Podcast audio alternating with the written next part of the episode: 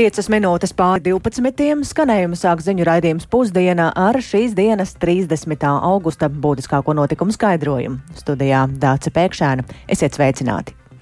Un vispirms par to, kad galu galā būs skaidrība par jauno koalīciju un to, cik plaša tā būs. Premjera amata kandidāte Evika Siliņa no jaunās vienotības aizvien rakstiski nav saņēmusi apvienotā saraksta rosināto valdības modeli, taču sarunas par valdības veidošanu turpinās šajā pēcpusdienā. Siliņa vēl gaida apvienotā saraksta lēmumu par piedāvājumu strādāt četru partiju koalīcijā kopā ar jauno vienotību, Zaļo un Zemnieku savienību un progresīvajiem. Tomēr konkrētu termiņu vēl nenosauc. Vairāk ir gatavs stāstīt Jānis Kīncis par jaunāko, kurš seko līdzi šajā brīdī un um, šobrīd ir pievienojies studijās. Sveiks, Jāni! Sveicināti! Jā, Evika Siliņa otrdien dienas pirmajā pusē aicināja apvienoto sarakstu pievienoties valdībai, kurā strādātu jaunā vienotība, Zaļo un Zemnieku savienība un progresīvie. Apvienoto sarakstu šis piedāvājums neapmierināja, un otrdienas vakarā viņi rosināja kādu citu modeli, ko tā arī publiski nav izklāstījuši. No apvienotā saraksta politiķu izteikumiem gan jaušams, ka runa varētu būt par jaunās vienotības, Zaļo un Zemnieku savienības un apvienotā saraksta un Nacionālās apvienības virknējumu. Tātad tur nebūtu progresīvo. Premjera amata kandidāte Evika Siliņa šo rosinājumu rakstiskā veidā tiešām aizvien nesot saņēmusi, taču pauda, ka gatava par to uzklausīt potenciālos koalīcijas dalībniekus. Vienlaikus viņa arī uzreiz piebilda, ka valdības veidošana ir uzticēta viņai, nevis apvienotajam sarakstam, tāpēc viņa pēcpusdienā organizēs sarunas ar ZZS, progresīvajiem un apvienoto sarakstu. Valsts prezidents man ir uzticējis tātad veidot šo valdību un arī uzņemties atbildību par to, kādu valdību es izveidoju un kādi ir šie potenciālie sadarbības modeļi. Tas nozīmē, ka apvienotajam sarakstam ir jāizšķirās, ko viņi darīs tālāk. Valsts prezidents uzklausīja, kā mums ir veicies sarunās. Viņš visdrīzāk vēl vēlas, eh, lai mēs mēģinātu pēc iespējas izveidot plašāku koalīciju, taču viņš arī viennozīmīgi uzstāja uz to, ka ir jāvirzās gan raiti uz priekšu. Premjera amata kandidāte tātad vēlas ievērot valsts prezidenta nosaukto termiņu, kurā valdību vajadzētu izveidot, tas ir līdz septembra vidum. Vienlaikus viņa uz vairāk kārtējiem žurnālistu jautājumiem tieši neatbildēja, cik ilgi būtu gatava gaidīt apvienotā saraksta atbildi par iesaistīšanos viņas rosinātā valdības virknējumā, jo tādu skaidru nē viņa arī vakar vakarā nepateica. Savukārt valsts prezidenta Edgara Rinkēviča vēstījums uz šiem politiskiem notikumiem ir skaidrs, ka nav laika ilgstošam politiskajam tirgum, un viņš pēc tikšanās ar Evi Eviku Siliņu un arī pašreizējo premjeru Krišānu Kariņu atkārtoja, ka ir piekritis šajā pēcpusdienā aprunāties ar apvienotā saraksta pārstāvjiem par nākamās valdības aprisēm. Vienlaikus viņš negrasoties sākt kādas konsultācijas par citu premjeramatu kandidātu, un pēc uh, Rinkēviča teiktā saruna process uh, Evikas Siliņas vadībā var noslēgties arī ar trīs politisko spēku veidotu koalīciju lai gan jaunajai valdībai būtu vēlams plašāks atbalsts saimā, un viņš cer uz plašāku uh, risinājumu.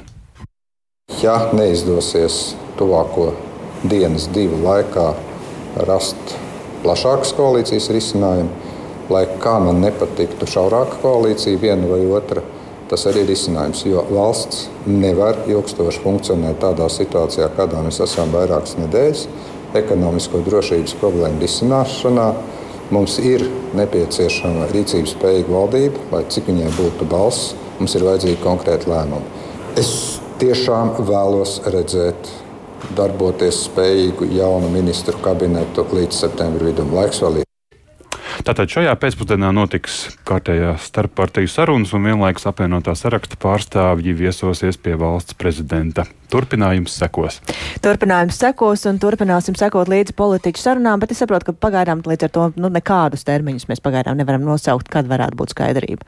Nevaram, bet šajā nedēļā kādiem pavērsieniem vajadzētu būt tiešām tuvāko dienu laikā, jo atkārtot skaitļus, trīs vai četri, laikam varētu jau kļūt pārāk ie, ielgstoši. Jā, paldies Jānim Kīncim par šo skaidrojumu. Gaidīsim pavērsienus, bet šajā brīdī pusdienu turpinām ar jaunāko no Ukrainas. Kīvai šonakt ir veikts spēcīgākais gaisa uzbrukums kopš pavasara. Pretgaisa aizsardzības spēki ir iznīcinājuši vairāk nekā 20 ienaidniekam mērķus Kievas gaisa telpām. Vai pilsētā ir nodarīta kāda zaudējuma un kāda situācija ir pat labāk? Par to esam sazinājušies ar mūsu korespondenti Kīvā, Indru Sprānci. Sveika, Indra! Labdien, jā! Pagājušā naktī Uk Ukraiņu pretgaisa aizsardzība notriekusi kopumā 28 raķetes un 15 no 16 izsūtītajiem šahed droniem. Tie visi tika raidīti uz mērķiem Kīvas, Mikalājevas, Čerkas un Odesas apgabalos, bet smags, masīvs kombinēts uzbrukums bija arī pašai Kīvai. Un no, no dažādiem virzieniem uz Kīvu tika nosūtīts vairākas dronu grupas, pēc tam tika sūtīts raķetes, bet uh, pretgaisa aizsardzība strādāja patiešām izcili un nosargāja pilsētu. Visas raķetes un droni noteikti notriekt kopumā iznīcināt 20 ienaidnieka mērķi. Diemžēl šo raķešu un, dro, un dronu atlūzām krītot ir bojā gājušie. Tie ir divi 26 un 36 gadus veci vīrieši. Savukārt vēl trīs cilvēki Kīvā guvuši traumas un ir zināms, ka šīs nakts uzlidojumos ir nodarīti postījumi virknei ēku arī, arī daudzstāv dzīvojumiem namiem, kur ir izsisti logi, bet par laimi tur cilvēku upuri nav bijuši.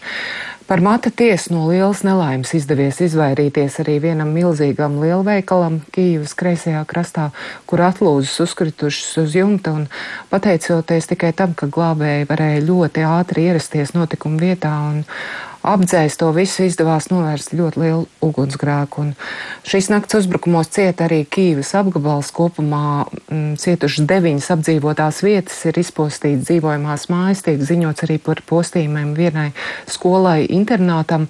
Un uh, kopumā Kīvas apgabalā šajos uzbrukumos cieta trīs cilvēki.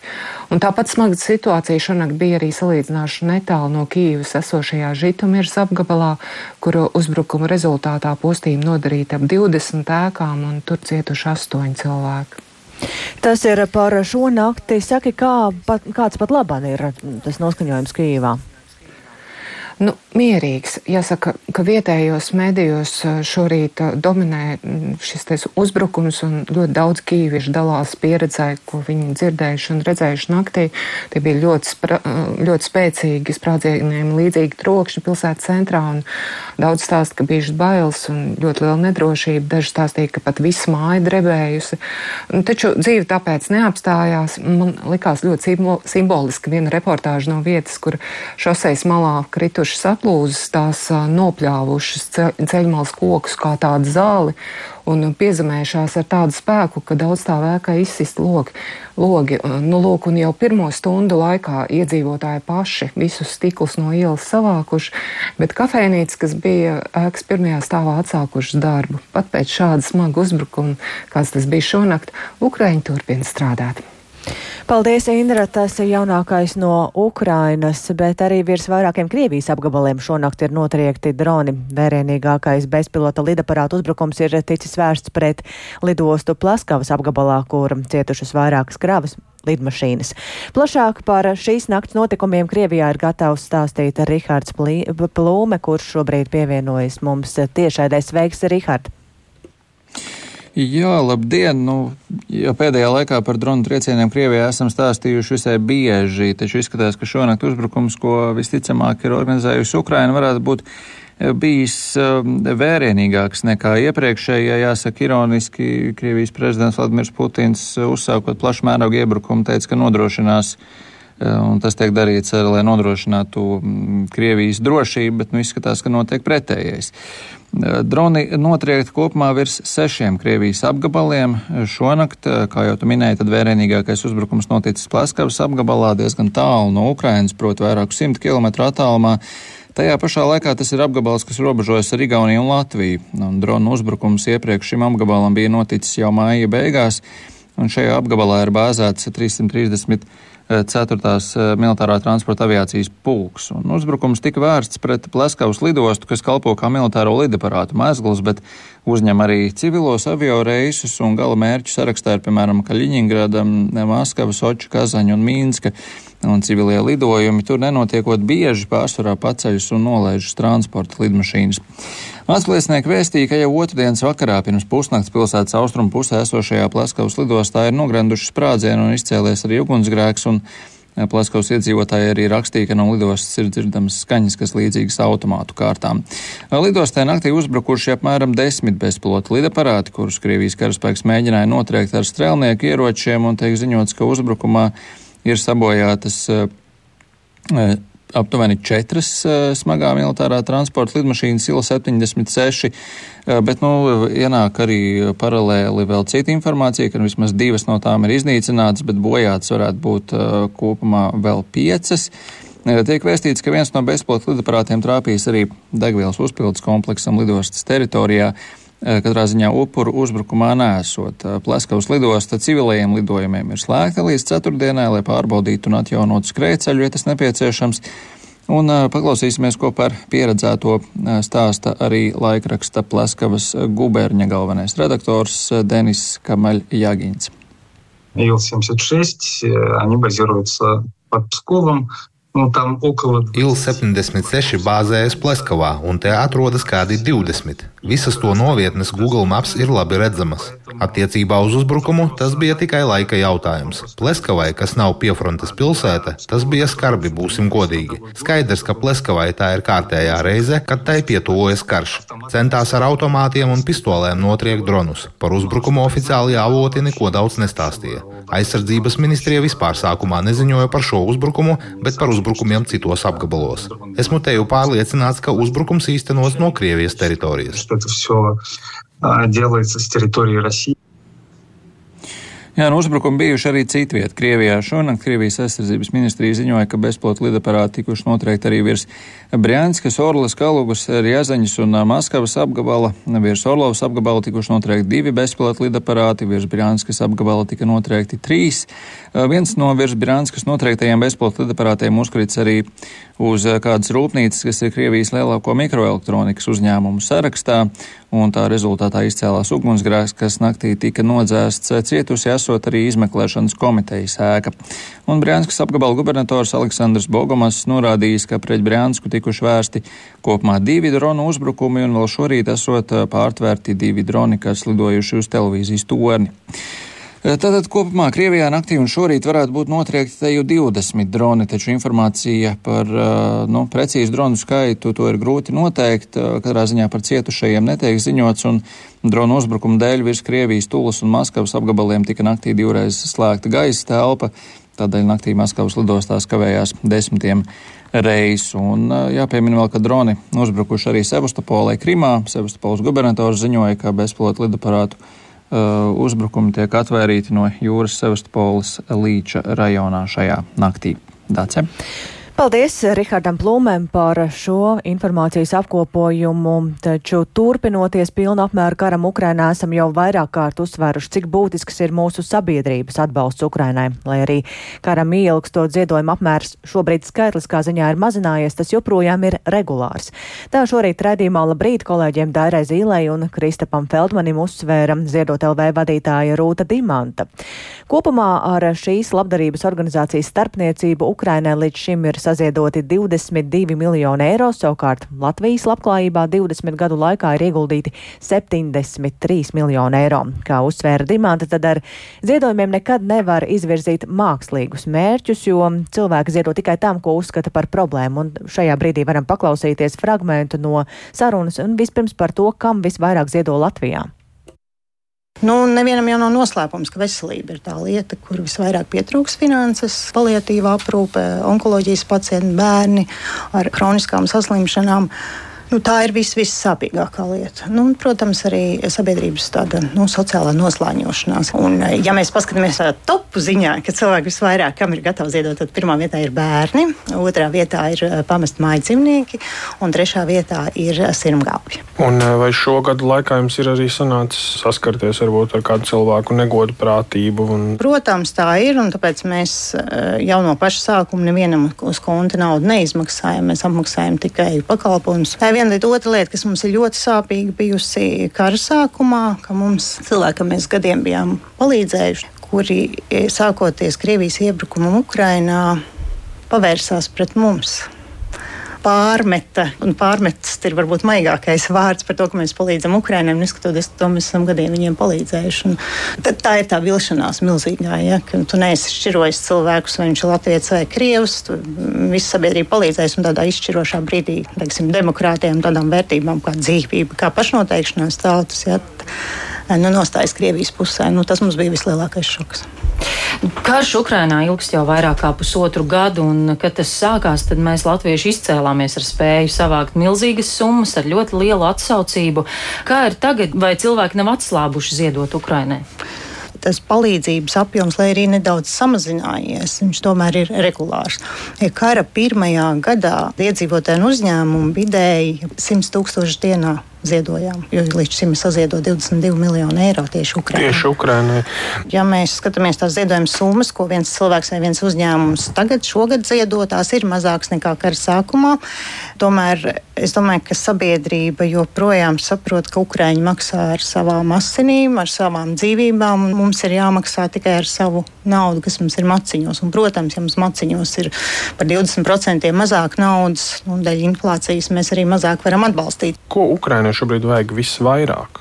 Ukrainai visvairāk vajag uzvarēt karu, un visai civilizētai pasaulē tam ir jāpalīdz. Skaidrs, ka mēs kā iedzīvotāji nevaram nosūtīt F-16 vai tankus. Mēs kā iedzīvotāji varam palīdzēt ļoti praktiskām lietām - armijai, teritoriālās aizsardzības vienībām.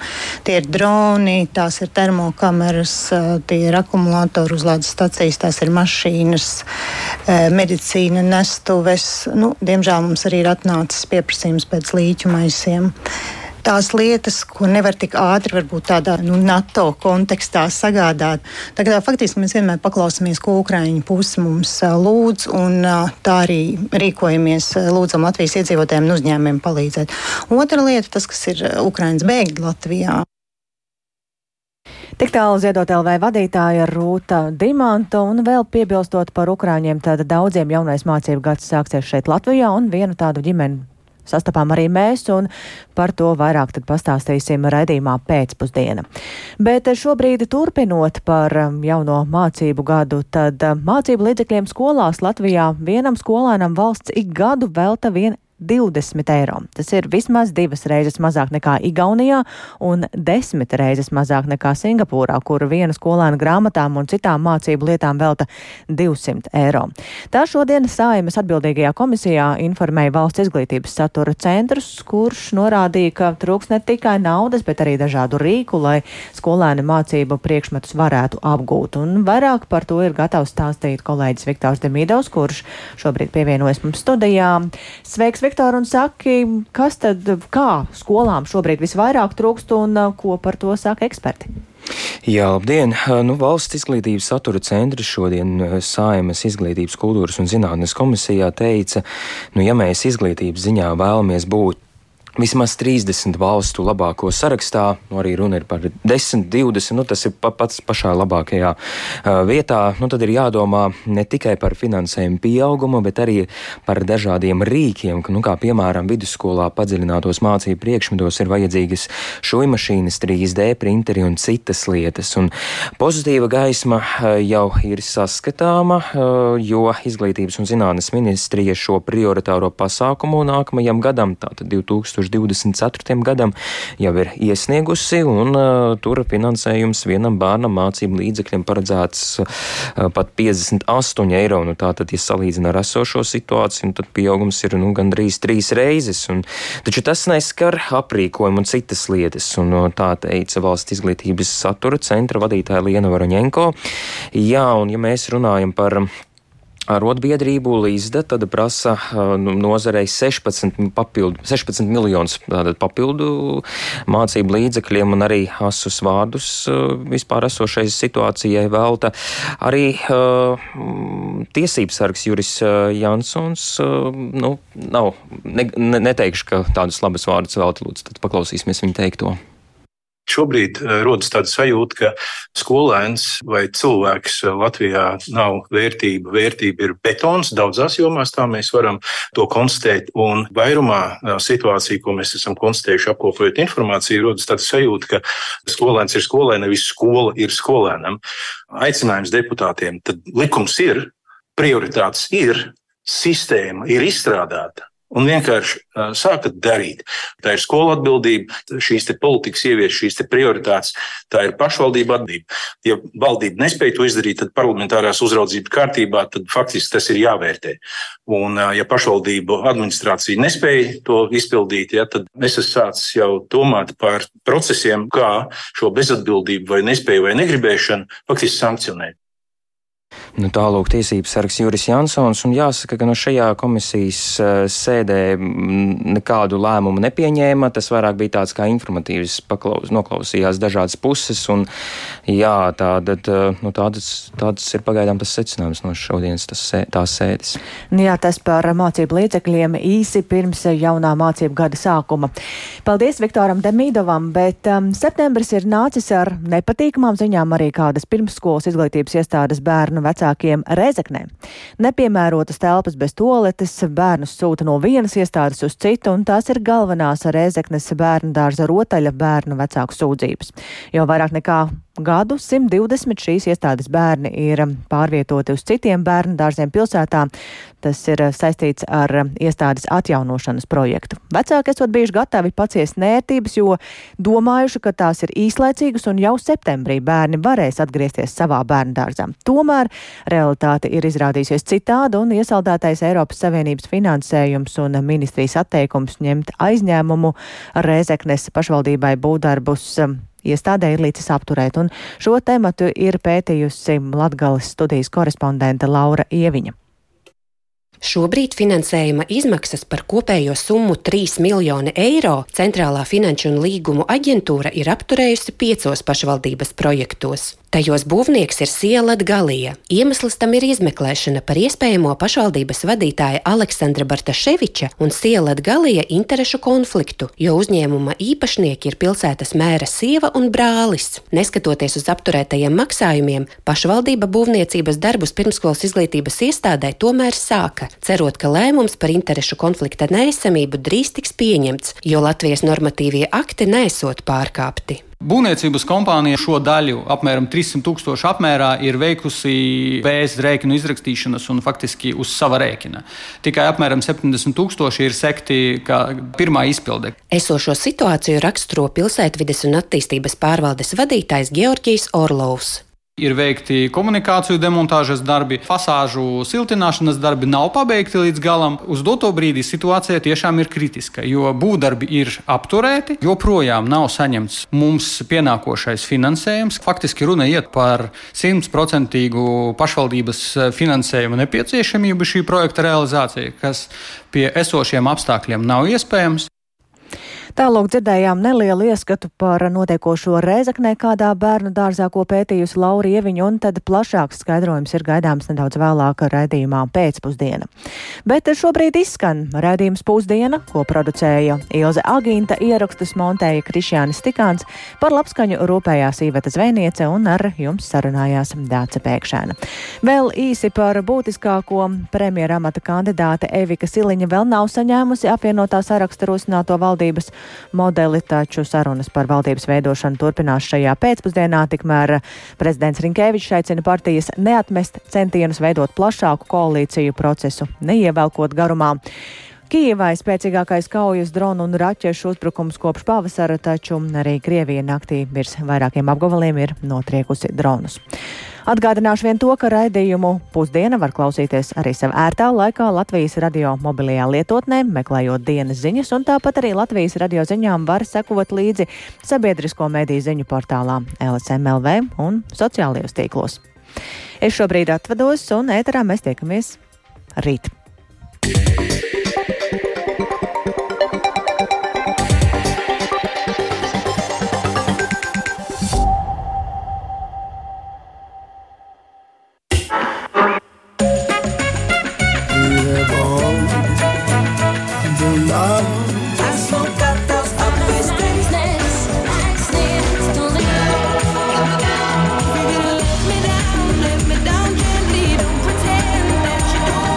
Dzīves ritmi mūzikā.